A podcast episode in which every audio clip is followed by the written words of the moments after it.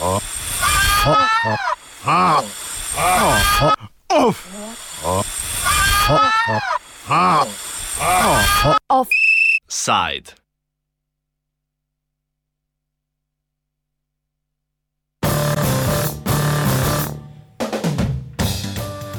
Španska vlada je prisilila lokalno skupnost na radijsko postajo Nava, ki deluje na severu države, da za svoje predvajanje prekine uporabo FM frekvence. Pred nekaj meseci je vodstvo radia prejelo pismo od nacionalnega sekretarijata za komunikacije iz Ministrstva za industrijo, v katerem je pisalo, da bodo to neprofitno postajo zaradi delovanja brez licence utišali z otegnitvijo tehnične opreme in jim zagrozili tudi z globami v vrednosti 500 tisoč evrov. Po več letih ignoriranja regulacije audiovizualnih medijskih storitev iz leta 2010, na katero se sklicuje španska vlada, se je vodstvo radia le odločilo, da prestopi iz FM frekvence.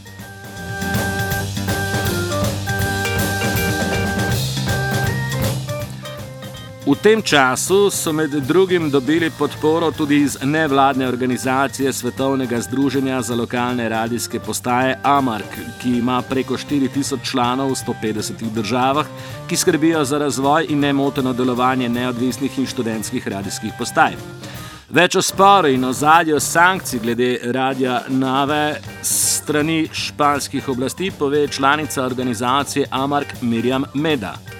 They are uh, yeah they stop uh, broadcasting when they get the communication from the Spanish government because they have fear to to continue broadcasting broadcasting in FM. Uh, so they pass their emissions to the internet and to the streaming. But the problem is Radio Nava is located in a little town in the middle, really, of uh, of a kind of field or, or, or valley. So people in there, they are not used to listening to the radio in the computer. They all of them have a radio transmit, a radio receiver on their homes. There are so old people, and they are not uh, used to, to, to use the new technologies and internet and the computer and have a computer at home. So it's really important for the radios which are not located in big cities to broadcast really in FM because uh, their target their target audience is at home with a, a radio receiver, not with a computer. So they really need to continue broadcast in FM.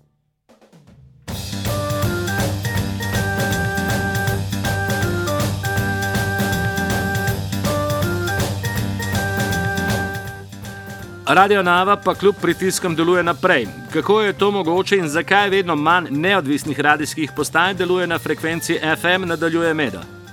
We have to take into account that, that the Spain is divided uh, into different regions. It's not uh, like a federation country, but it works something like a federation country.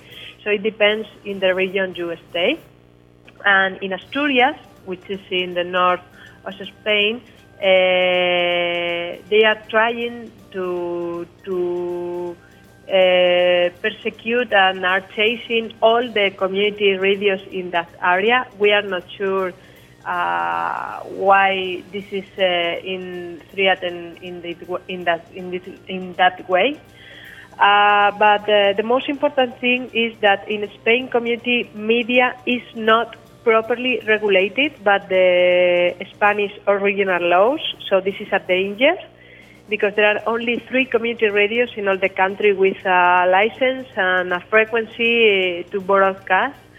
Uh, so the Asturian and Spanish government have decided now that Radio Nava is uh, broadcasting in an illegal frequency, but the, it's true that all the community radio and television in Spain are already uh, broadcasting without a frequency or license.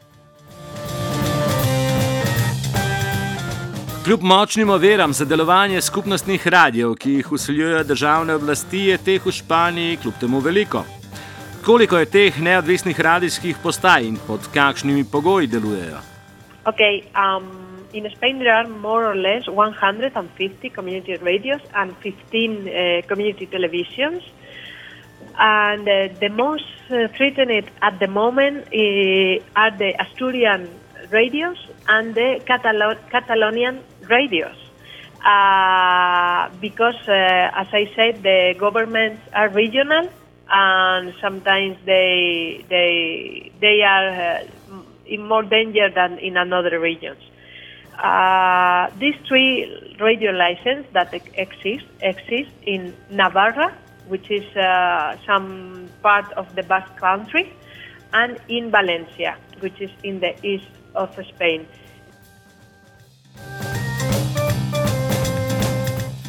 Glede na to, da so skupnostni neodvisni radi, ki z licenco delujejo na frekvenci FM samo tri, je pridobitev licence birokratsko precej zapletena. O pridobitvi licence in kje se zaplete za neodvisne radijske postaje, nadaljuje Meda. Uh, the Spanish law says that the central government is forced to reserve some kind of frequencies for community media license, but the, in the practice that uh, never was uh, in a real way. They never reserve these frequencies. Uh, why there are two governments, the Navarra government and the Valencian government, which has uh, give license to these three radios? Uh, we are not sure about that because this is arbitrary. In Spain, there is no one government. There are too many governments, and uh, and each of these decide what to do in the in the radioelectric uh, field and in the media field. So. Uh, it, we we don't know exactly because one regional government can give a license and another one no because the law is the same for all of them. Kakšna je morebitna rešitev? The solution is that the Spanish General uh, Communication Law, uh, which is approved in uh, 2010, says that the Spanish government has to regulate with a concrete and specific uh, regulation uh, the community media. And in that law, uh, they said that they have to be done before 2011. Okay, we are in 2014, almost in 2015, and the Spanish government never uh, regulated this uh, specific community media. So the solution for us within is first, do a specific law about community media in Spain, and second, provide and reserve license in the broadcasting uh, tenders for this kind of projects. Organizacija Amark deluje po celem svetu. S, tak, s kakšnimi težavami se radijske postaje soočajo v drugih državah Evrope in v katerih so situacije problematične, nam za konec pove Mirjam Meda iz Amark. Well, it depends. For example, in France and in Ireland, uh, in Sweden, uh, in Denmark, they are not. Uh, they have not this kind of problem. Really, I think community media is uh, well developed, and they have uh, support from the government. But for example, in my opinion, Hungary is the most uh, similar country to Spain in the in the legal issue and in the problems that the radios have and the televisions have in that countries. So Europe is really big, and it depends on the of, on the cultures.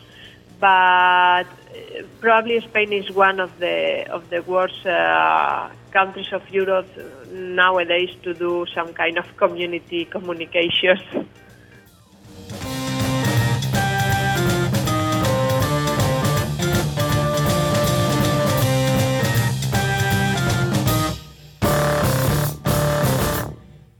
Offside je pripravil vanec Rok.